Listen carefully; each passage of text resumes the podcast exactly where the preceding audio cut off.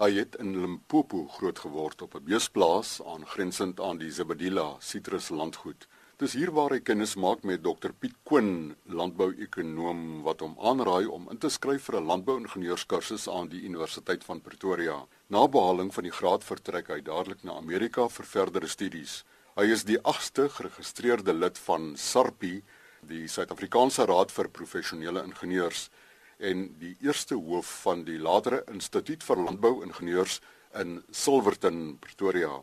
Met 'n pragtige uitsig oor Nysna kuier ons op die laaste dag van hierdie jaar by landbouingenieur Jabi Broer. Ja, ek was bevoorreg uh, om 'n milieraad beurs uh, te verwerf in my finale jaar en ek kon vir 3 jaar uh, na die FSA gaan en daar het ek toe geregistreer by die Universiteit van Nebraska wat toe uh, die uh, enigste en die grootste toetsstasie vir trekkers in die wêreld was.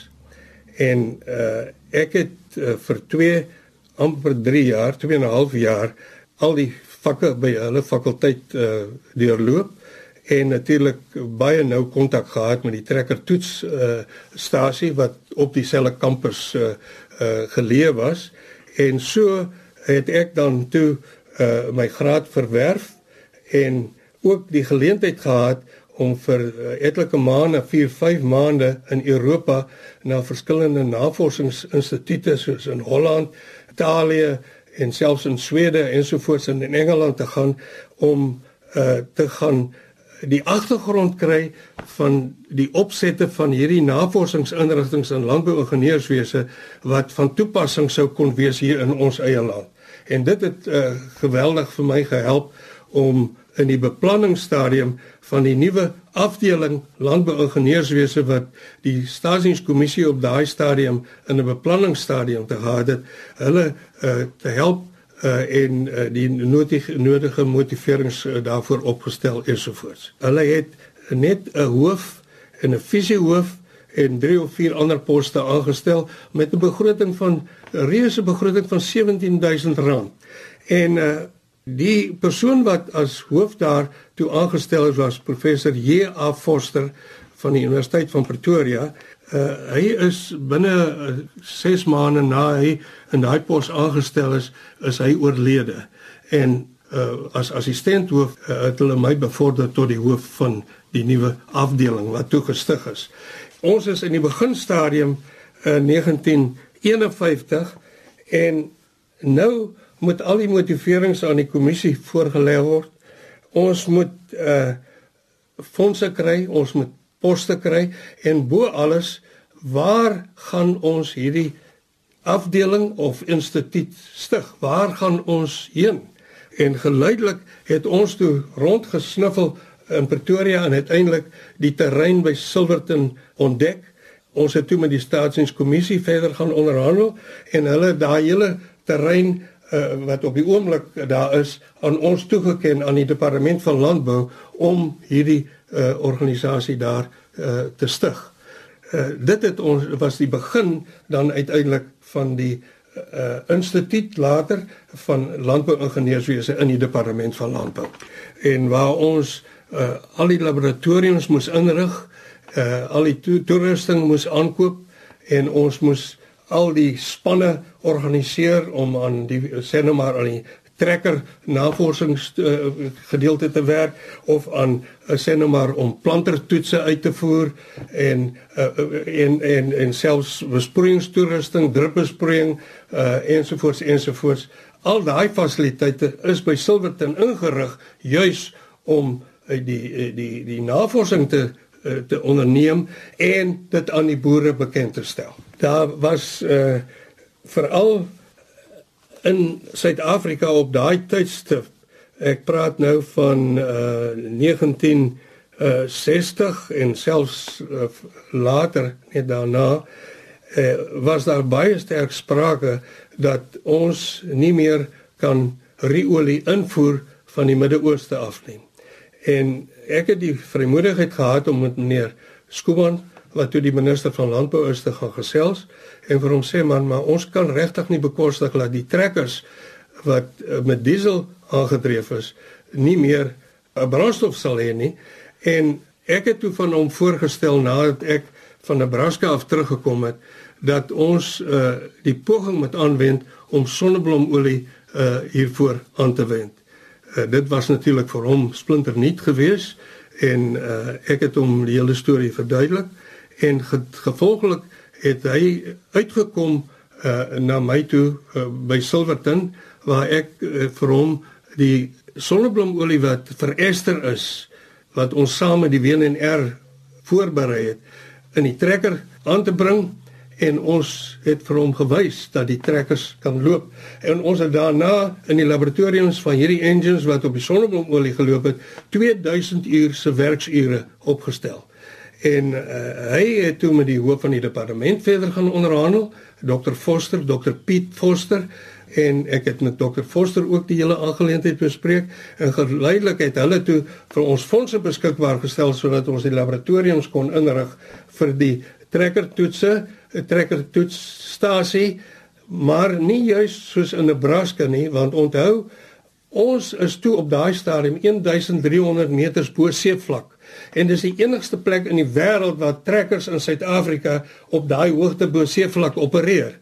En gevolglik het ons dit baie sterk oorweeg dan om die trekkers te toets en die inligting aan eh, nie net aan die firmas beskikbaar gratis beskikbaar te stel nie, maar ook aan die boere sodat hulle verstaan dat as 'n trekker geadverteer word sê vir 70 kW, dan is dit by seevlak. Dit is nie die kilowatts wat daar op sy plaas in die Vrystaat uh, nodig is nie, verstaan?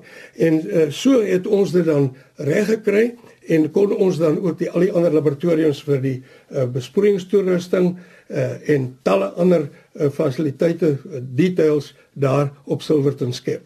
Ons het uh, vir meneer PW Botha en uh, sy kabinet ook daar by ons gehad.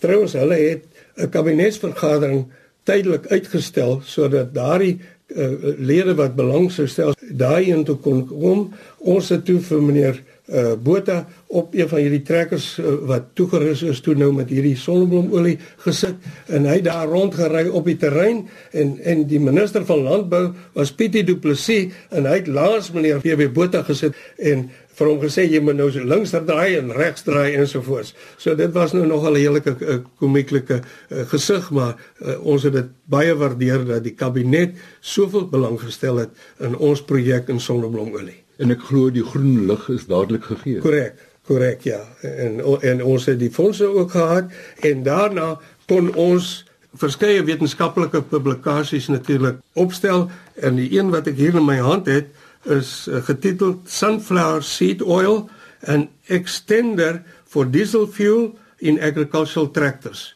en 1 2 3 4 5 6 7 van my ingenieurs en myself was betrokke by hierdie publikasie en ons het daarna in by verskeie wêrelddele en onder andere ook in Duitsland die lesings gaan aanbied by uh, brandstofkonferensies sodat hulle kan kennis neem van die navorsing wat ons hier in Suid-Afrika onderneem het op daai stadium. Wat was die Suid-Afrikaanse boer se reaksie op julle navorsing? Die die boere was baie positief uh, daaroor en uh, baie van hulle wou nou dadelik nou net sonneblomolie uh, uh, produseer en en hoe ook al, maar ons het vir hulle gesê kyk uh, die heel eerste ding is dit moet ekonomies vatbaar wees en op daardie tydste was die pryse van sonneblom in ons land sodanig dat die olie wat ons uh, sou uitpers uit die uit die korreltjies uit en nadat ons hierdie chemiese verandering gedoen het met die transesterifikasie vir daarvan sal dit ekonomies nie regverdig gewees het nie. So gevolglik het ons die projek het ons 'n reserve gehou vir ingeval daar 'n werklike brandstofkrisis na vore kom. Meneer Broer, het daar ooit 'n engine probleme gegee op die nuwe bio brandstof. Ons het nie een wat by ons uh, in die laboratorium gewerk het wat onder uh, streng wetenskaplike toestande daar was wat ons die temperature en, en die uh, drukke en alles kon meet ensovoorts ensovoorts nooit nie een gekry nie. Trouwens, ek wil net vir u sê uh, ons het 4 uh, 5 firmas, groot firmas wat trekkers vervaardig het. Ek wil nou maar net nie hulle name noem nie. Het kom kyk wat ons doen en hulle was so geïnteresseerd dat hulle gesê het as as die boere trekker X koop sal hulle die waarborg op daai trekker met hierdie brandstof aanvaar. Ons personeel het natuurlik die hele tyd geglimlag en wonderlik deelgeneem aan hierdie hele projek.